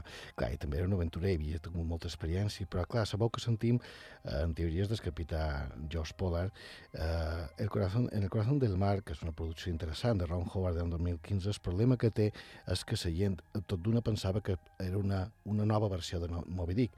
I va, eh, és difícil entendre que no, que això és Essex, i això sí va passar de veritat. I l'aventura és tan poderosa que cal contar-la, perquè, clar, eh, han d'experimentar el que va sentir en Melvin quan li varen contar. Pensa que aquestes, aquestes dues embestides de Caixalot, de, Mochadik, era just quan to, quasi tots els, els membres estaven a barques eh, arponejant altres eh, de setmanada. Eh, L'embarcació se va enfonsar en, en poc temps i aquests 21 tripulants es varen ficar a les tres barques amb poc menjar i poca aigua i a la deriva i van arribar a una illa deshabitada que és l'illa de Henderson, una illa de, més petita que Cabrera. Hi havia pocs recursos, havia, van menjar peixos, eh, van trobar una fonteta d'aigua dolça, això sí que és veritat, fins que la situació va ser desesperada. Dos d'ells varen quedar, varen morir, òbviament, i els altres se van fer a la mà. Però fixa que aquells que se van fer a la mà, eh, mm, per poder sobreviure, varen practicar el canibalisme, des que anaven morint. Però se dona la situació poques vegades, vista i documentada, de que van arribar a prendre la decisió d'haver de matar un per poder seguir visquent. I van fer un sorteig. I d'aquest sorteig, en Owen va ser el que va perdre. I a sobre, el segon sorteig era qui l'havia de matar. I el que l'havia matat li va tocar al seu amic. I això és real. És a dir, que van matar en aquest perquè ell se va sacrificar, bé, tots van arribar a aquest acord, per poder nutrir-se d'aquest cos fins a on arribassin, no? I quan els van trobar en quedaven dos i estaven robegant els ossos que quedaven dels altres. Així que és una història terrible. Clar, eh, un d'ells, en Patchen va escriure eh, l'experiència, que el llibre que ha escrit a mà es conserva un museu, i clar, casualment, després en Melville va conèixer el fill d'aquest, i tenia la còpia principal del llibre. Clar, com un home que és un escriptor, que és un home mogut a la cultura, li expliquen aquesta història i a sobre ell entén que és perquè és una persona experimentada en el món de la navegació d'aventura, era impossible no escriure Moby Dick. Uah. La història aquesta ara de Sussex sí que us ha deixat... És una història te- terrible, terrible i a la vegada fascinant. Clar, aquest, aquest exemplar eh, que supos que narrava la història de després de com, com, com ho fan per continuar vius, no? Clar. Arriba a les mans de, de Melville, De i, Mel, Melville. i Melville diu eh, intentaré escriure alguna cosa similar. Clar. I a sobre li arriba quan està fent la mateixa ruta que va fer aquella embarcació. És a dir, que era destí. pràctic. I va néixer l'any que va passar. És a dir, que... I a partir d'aquí sorgeix Moby Dick. Moby Dick. Carlos, fem una aturada per la publicitat i tornant tot d'una perquè és interessant la història.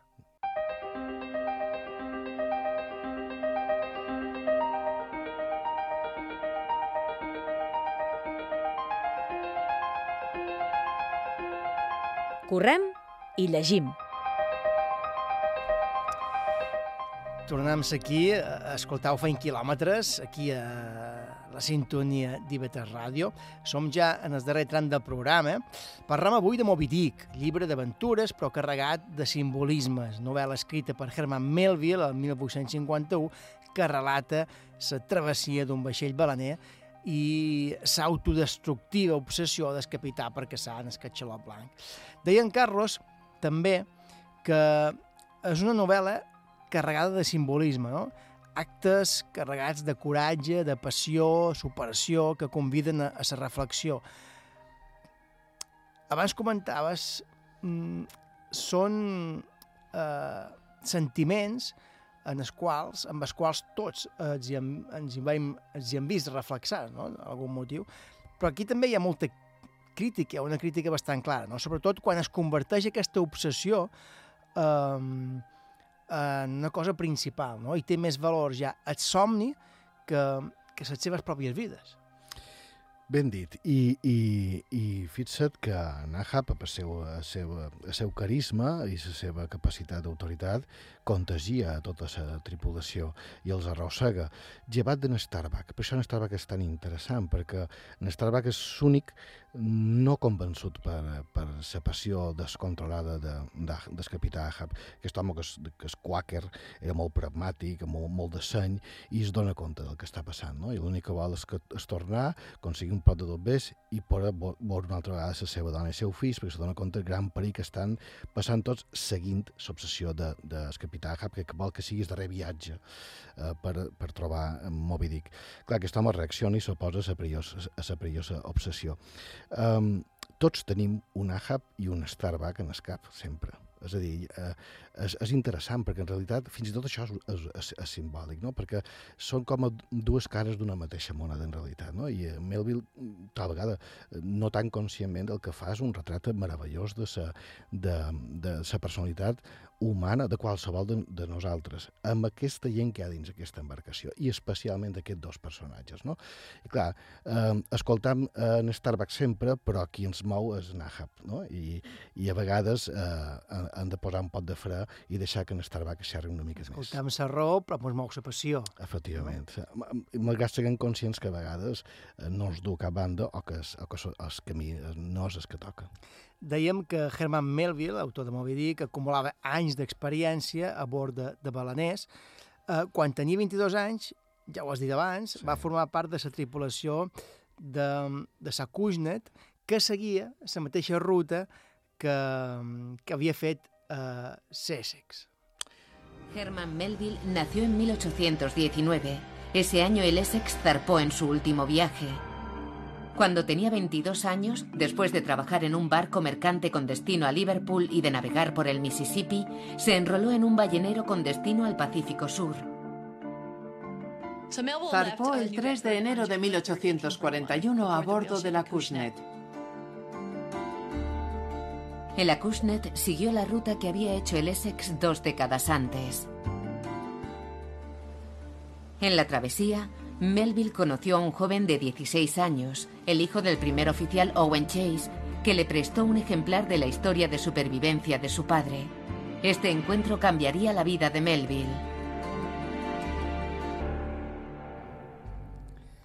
És a dir, durant la travessia a bord de la Kushnet, eh, Herman Bel Melville coneix un tripulant que era el fill d'un dels supervivents de, de, de Cèsec, no? com bé explicaves abans. Aquest tripulant li deixa eh, un llibre que narra la història aquesta tan brutal, tan heavy, tan bèstia, de supervivència de, de son pare, no? que és un dels dos que so sobreviuen Sí. a la tragèdia, en els drames, l'enfonsament de, de, de Cèsec. Més que sí, l'enfonsament, després la travessia, la travessia posterior que fan sí. en, en les barques. No? Clar, eh, tot, tot això eh, va ser va servir a Melville per escriure després la seva gran obra. Eh, òbviament ell sabia la història, tothom sabia la història de Sussex i era un dels principals motius de que ell s'enrolàs en, aquesta, eh, en aquesta embarcació, en Sacushnet, per anar pel Pacífic Sud de Sud-amèrica i seguir aquest, aquesta llat. Ja, ell ja estava fascinat, però ell no sabia que hi havia aquest lot. Això ho va descobrir eh, de, a dintre de, de l'embarcació i que era fill de Owen Chase. I a sobre, no només li va contar la història amb més detalls, cosa que Melfield necessitava saber més, tenia fam de, de coneixement, sinó que li va mostrar aquest llibre escrit a mà. És a dir, és diferent. Avui, clar, parlaríem d'un llibre eh, imprès, no? Però, eh, es, òbviament, se van fer còpies impreses, però e- era una primera còpia real escrita a mà. Dir, pràcticament era el primer que havia escrit i li havia regalat al seu fill. Clar, Melville, eh, no puc imaginar de quina manera va fuetjar aquest, aquest llibre, no? Amb, quina, a quin, quin valor romàntic també devia tenir el fet de, de d'entrar-se dins aquestes pàgines i mm, profunditzar dins la ment d'aquest home que va passar per aquesta experiència de supervivència tan, tan al·lucinant. Clar, Estoyet va servir per eh, començar a prendre notes i després, eh, de, bé, segons, segons diuen, bona part de Moby Dick ja, ja el tenia escrit quan va tornar. És a dir, que mentre viatjava ho escrivia. Mm, Ens centrem ara en els dos fragments claus de la novel·la. El primer el reproduïm a partir de, de la minissèrie de televisió titulada Moby Dick, com la novel·la. Eh, és el moment en què veuen el catxalot, eh, tripulants espantats i, i fascinats davant d'aquell mostre, eh, i criden, surt el dimoni, surt el dimoni. She blows! She blows to starboard!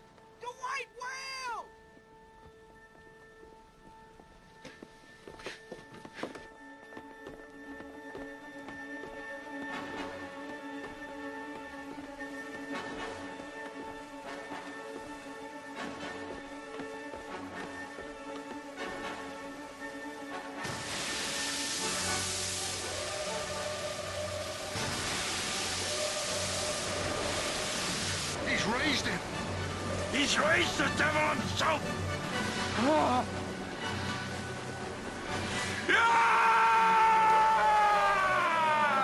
Aquest, aquest crit és d'una eufòria ja completament demencial, no? Totalment. Eh, el capità veu, veu com surt el catxalot, eh, la tripulació està al límit, exhausta, però fascinada a la vegada, i ell, el capità, el capità ha desviat la ruta, eh, ha, obligat, ha oblidat ja els objectius comercials i només segueix eh, possibles pistes de Moby Dick, no? fins que es troba davant ell, no? I, i, i clar, eh, eh, esclata amb aquesta espècie de, de, d'eufòria desfermada i a la vegada bogeria i demència. Clar, és, és, és l'explosió definitiva i la novel·la passa just en el moment de màxima tensió entre ell i, i, i el senyor Starbuck, perquè clar, eh, com que eh, en Starbuck és, a- sobre és un home que sap que les balenes eh, ataquen per instint de supervivència, ho diu a la novel·la, no? És a dir, no creu en la bèstia terrible que veu a, a Nahab. Per tant, és un moment delicat perquè pot provocar un motí, perquè mm, si la tripulació gira un moment cap a, a en Starbuck, eh, s'ha acabat. Eh, I Nahab és conscient d'això. Per això tolera que vagin a caçar altres, de sa, de, altres balenes d'altres manades, però és una excusa. Ell, sense perdre el nord, amb el nord mental perdut, el que fa és seguir el que, el que, el que necessita fer. I això que hem sentit eh, és d'una minissèrie, minissèrie de l'any 98, bé, són tres, són tres hores, són dos capítols, i està molt bé, perquè el moment que veuen sa bèstia, el moment que en Patrick Stewart, que és l'actor que fa d'Ahab, pega aquest crit, eh, aquí ja no hi ha raonament, aquí hi ha pur, és, és visceral tot, és, és passió. I la passió eh, ens du sempre al millor i al pitjor. I, clar, i de fet és capital que cerca, en certa manera, també és el compliment d'una venjança, no? Perquè és catxaló, perquè Moby Dick eh, eh, mm, li van putar la cama sí. i, i ell ja no sabem si és venjança, que, eh, venjança el que cerca, si hi ha amor allà Clar, dintre, clar. dins aquesta persecució, si hi ha admiració, Clar, això, això és interessant, perquè quan, quan és, només és venjança i seria massa eh, elemental. Aquí hi ha, hi ha una fascinació, i la fascinació ens du a l'admiració, i l'admiració un amor no reconegut, eh, que no es fa Ah. ràbia, però és. I acabam ja amb el moment clímax de la novel·la, agafam l'escena de la pel·lícula del 56, eh, pel·lícula de John Huston i, i de Gregory Peck, eh, el capità Nahab ja arribarà fins al final, no? S'enfronta cara a cara eh, a Moby Dick, sap que no té opció o sap que només té una opció i sap com acabarà tot.